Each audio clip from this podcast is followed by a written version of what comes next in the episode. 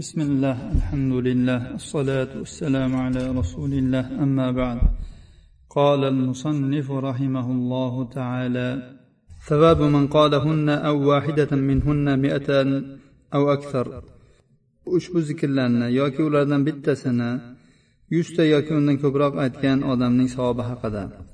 عن مصعب بن سعد قال حدثني أبي قال كنا عند رسول الله صلى الله عليه وسلم فقال أيعجز أحدكم أن يكسب كل يوم ألف حسنة؟ فسأله سائل من جلسائه كيف يكسب أحدنا ألف حسنة؟ قال يسبح مئة تسبيحة فيكتب له ألف حسنة أو يحط عنه ألف خطيئة. رواه مسلم. musab ibn saaddan rivoyat qilinadi dedi menga otam so'zlab berdilar aytdilarki biz rasululloh sollallohu alayhi vasallam huzurida edik. Aytdilarki sizlardan biringiz bir kunda mingta hasana topishga ojizlik qiladimi? Ham suhbatlaridan bir kishi so'radi. Bizdan birimiz mingta hasanani qanday qilib topadi? U zot dedilarki yuzta tasbeh aytadi. Unga mingta hasana yoziladi yoki undan mingta xato o'chiriladi.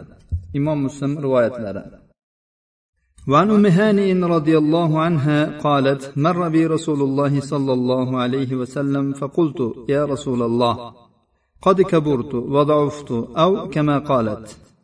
فمرني بعمل أعمله وأنا جالسة. قال سبح الله مئة تسبيحة فإنها تعدل لك مئة رقبة تعتقينها من ولد إسماعيل. واحمد الله مئة تحميدة فإنها تعدل لك مئة فرس مسرجة ملجمة تحملين عليها في سبيل الله.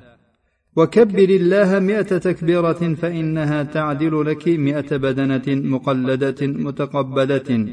وهلل الله مئة تهليلة قال أبو خلف أحسبه قال تملأ ما بين السماء والأرض ولا يرفع يومئذ لأحد عمل أفضل مما يرفع لك إلا أن يأتي بمثل ما أتيت. رواه أحمد والنسائي وابن ماجه باختصار. أم هاني رضي الله عنها روايat qilinadi dedi rasululloh sollallohu alayhi vasallam mening oldimdan o'tib qoldilar. Men aytdimki ey rasululloh mening yoshim katta bo'ldi va zaiflashib qoldim.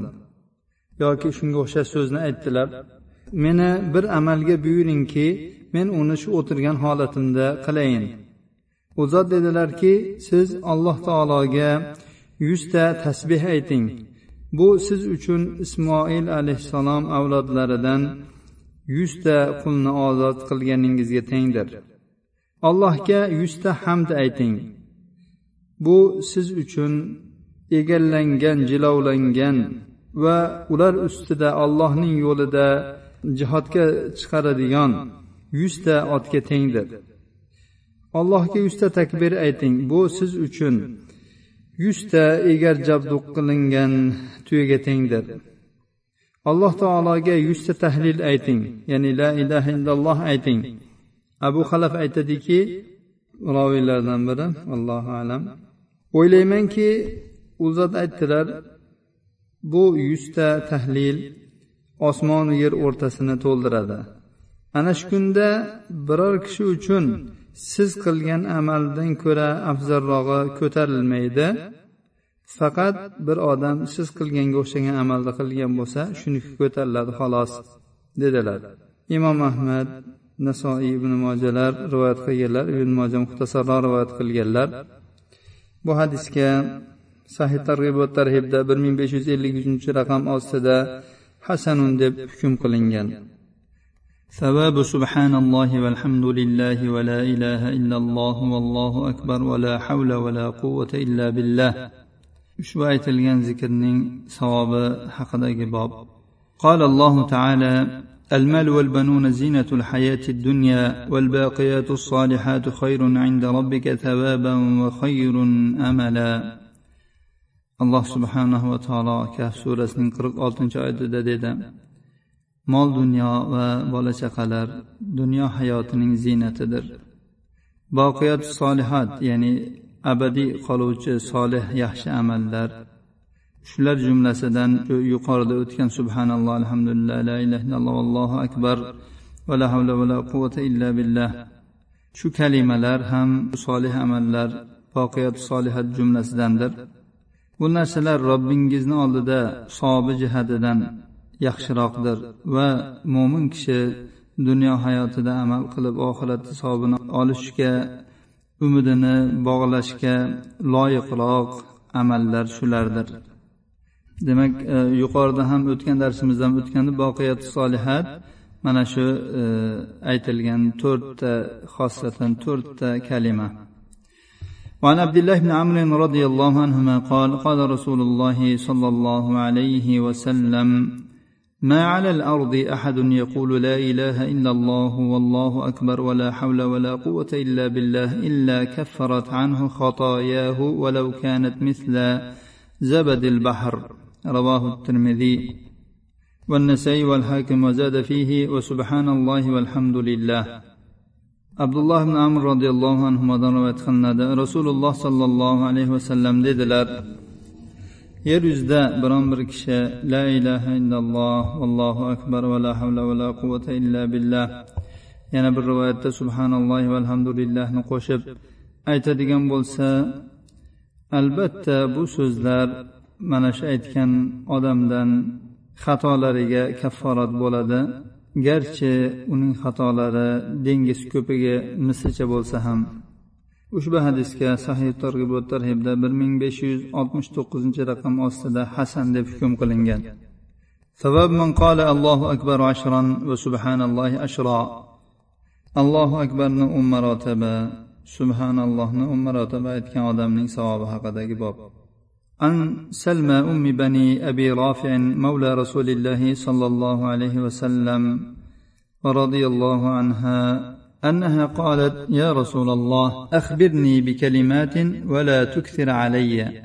فقال قولي الله أكبر عشر مرات. يقول الله هذا لي. وقولي سبحان الله عشر مرات. يقول الله هذا لي.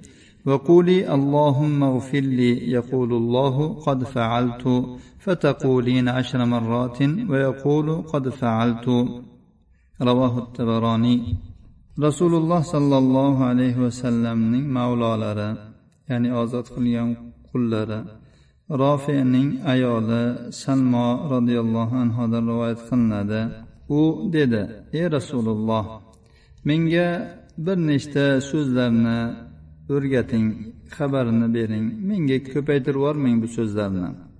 U zot aytdilarki sen o'n marotaba allohu akbar de shunda alloh taolo bu men uchun deydi. Sen o'n marotaba subhanalloh de alloh taolo bu men uchun deydi. Sen allohumma g'ufirli ey olloh meni mag'firat qil de. Alloh taolo shunday qildim deydi. Ya'ni kechirdim deydi.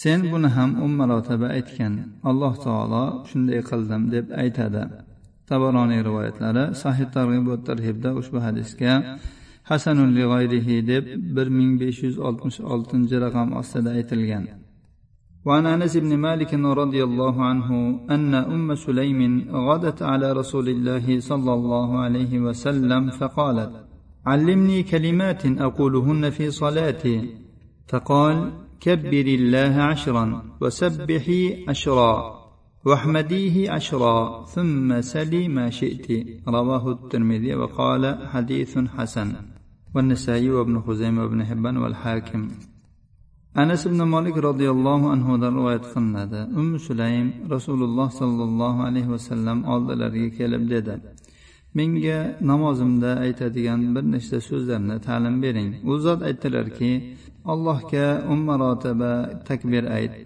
O'n marotaba tasbeh ayt. O'n marotaba hamd ayt. So'ngra xohlagan narsangni so'ra. Imom termiziy rivoyatlari u zot bu hadisga hasan deb hukm qilganlar imom nasoiy ibn huzayma ibn hibbon hokimlar ham rivoyat qilganlar. Sahiy targ'ib va tarhibda ushbu hadisga olti yuz yetmish to'qqizinchi raqam ostida sahihun deb hukm qilingan. Umi sulaym bu yerda biz namozimda deb tarjima qildik. Buni vallohu alam duoyimda deb aytilsa yaxshi bo'lsa kerak. Chunki bu yerda o'n martadan aytib so'ngra xohlagan narsangizni so'rang deyilyapti. Solat degani o'zi aslida duo degani. Duoda demak qilinadi buni. Sababu in axir jami' boshqa bir keng qamrovliroq yana bir zikrning savobi haqida. عن جويرية رضي الله عنها أن النبي صلى الله عليه وسلم خرج من عندها بكرة حين صلى الصبح ثم رجع بعد أن أضحى وهي جالسة فقال ما زلت على الحال التي فارقتك عليها؟ قالت نعم.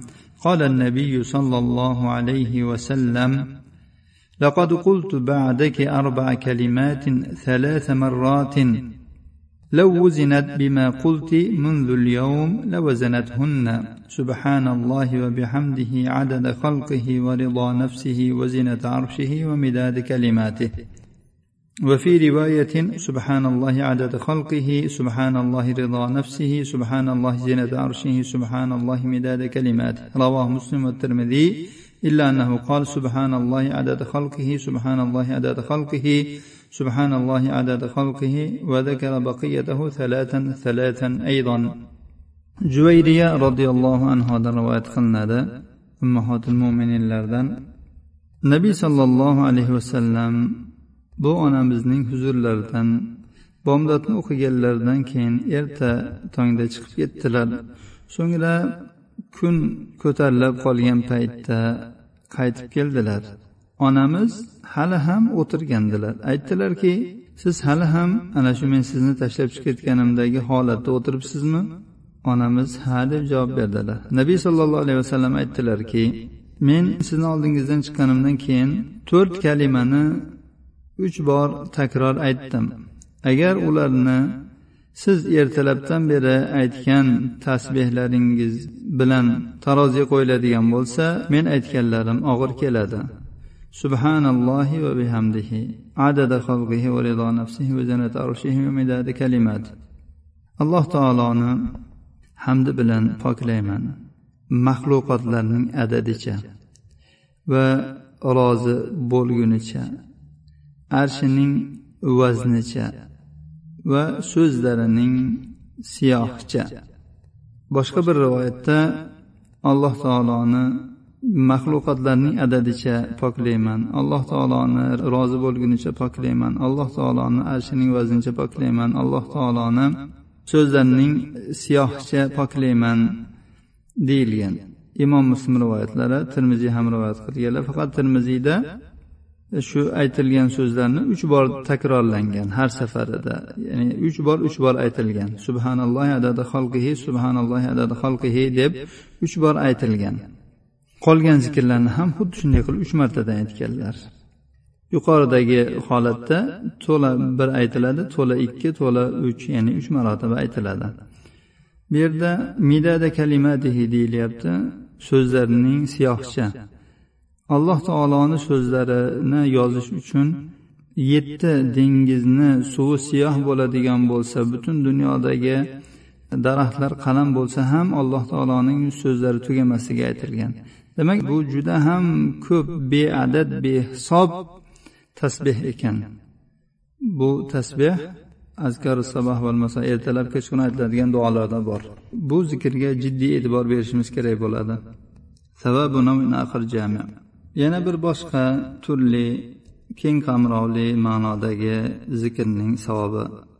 Abu umama roziyallohu anhudan rivoyat qilinadi dedilar nabiy sollallohu alayhi vasallam mening lablarimni qimirlatayotganimni ko'rdilar va aytdilarki ey abu umoma lablaringni nima bilan qimirlatyapsan men dedimki ey rasululloh men allohni zikr qilyapman u zot menga dedilarki men senga tunu kun zikr qilishingdan ko'ra afzalroq va ko'proq narsaning xabarini berayinmi? Men ha bering ey rasululloh dedim. U zot dedilarki sen aytginki alloh taoloni yaratgan narsalarning adadicha poklayman. Allohni yaratgan narsalari to'la poklayman. Allohni yerdagi narsalar adadicha poklayman. Allohni yeru osmon to'la poklayman. Ollohni lavhul mahfuz kitobi yozib qo'ygan narsalar adadicha poklayman.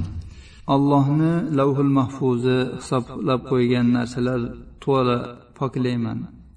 Allohni barcha narsalarning adadicha poklayman. Allohni barcha narsalar to'la poklayman. Allohga yaratgan narsalari adadicha hamd aytaman. Allohga yaratgan narsalari to'la hamda aytaman. Allohga yeru osmondagi narsalar adadicha hamda aytaman. Allohga yeru osmondagi narsalar to'la hamda aytaman.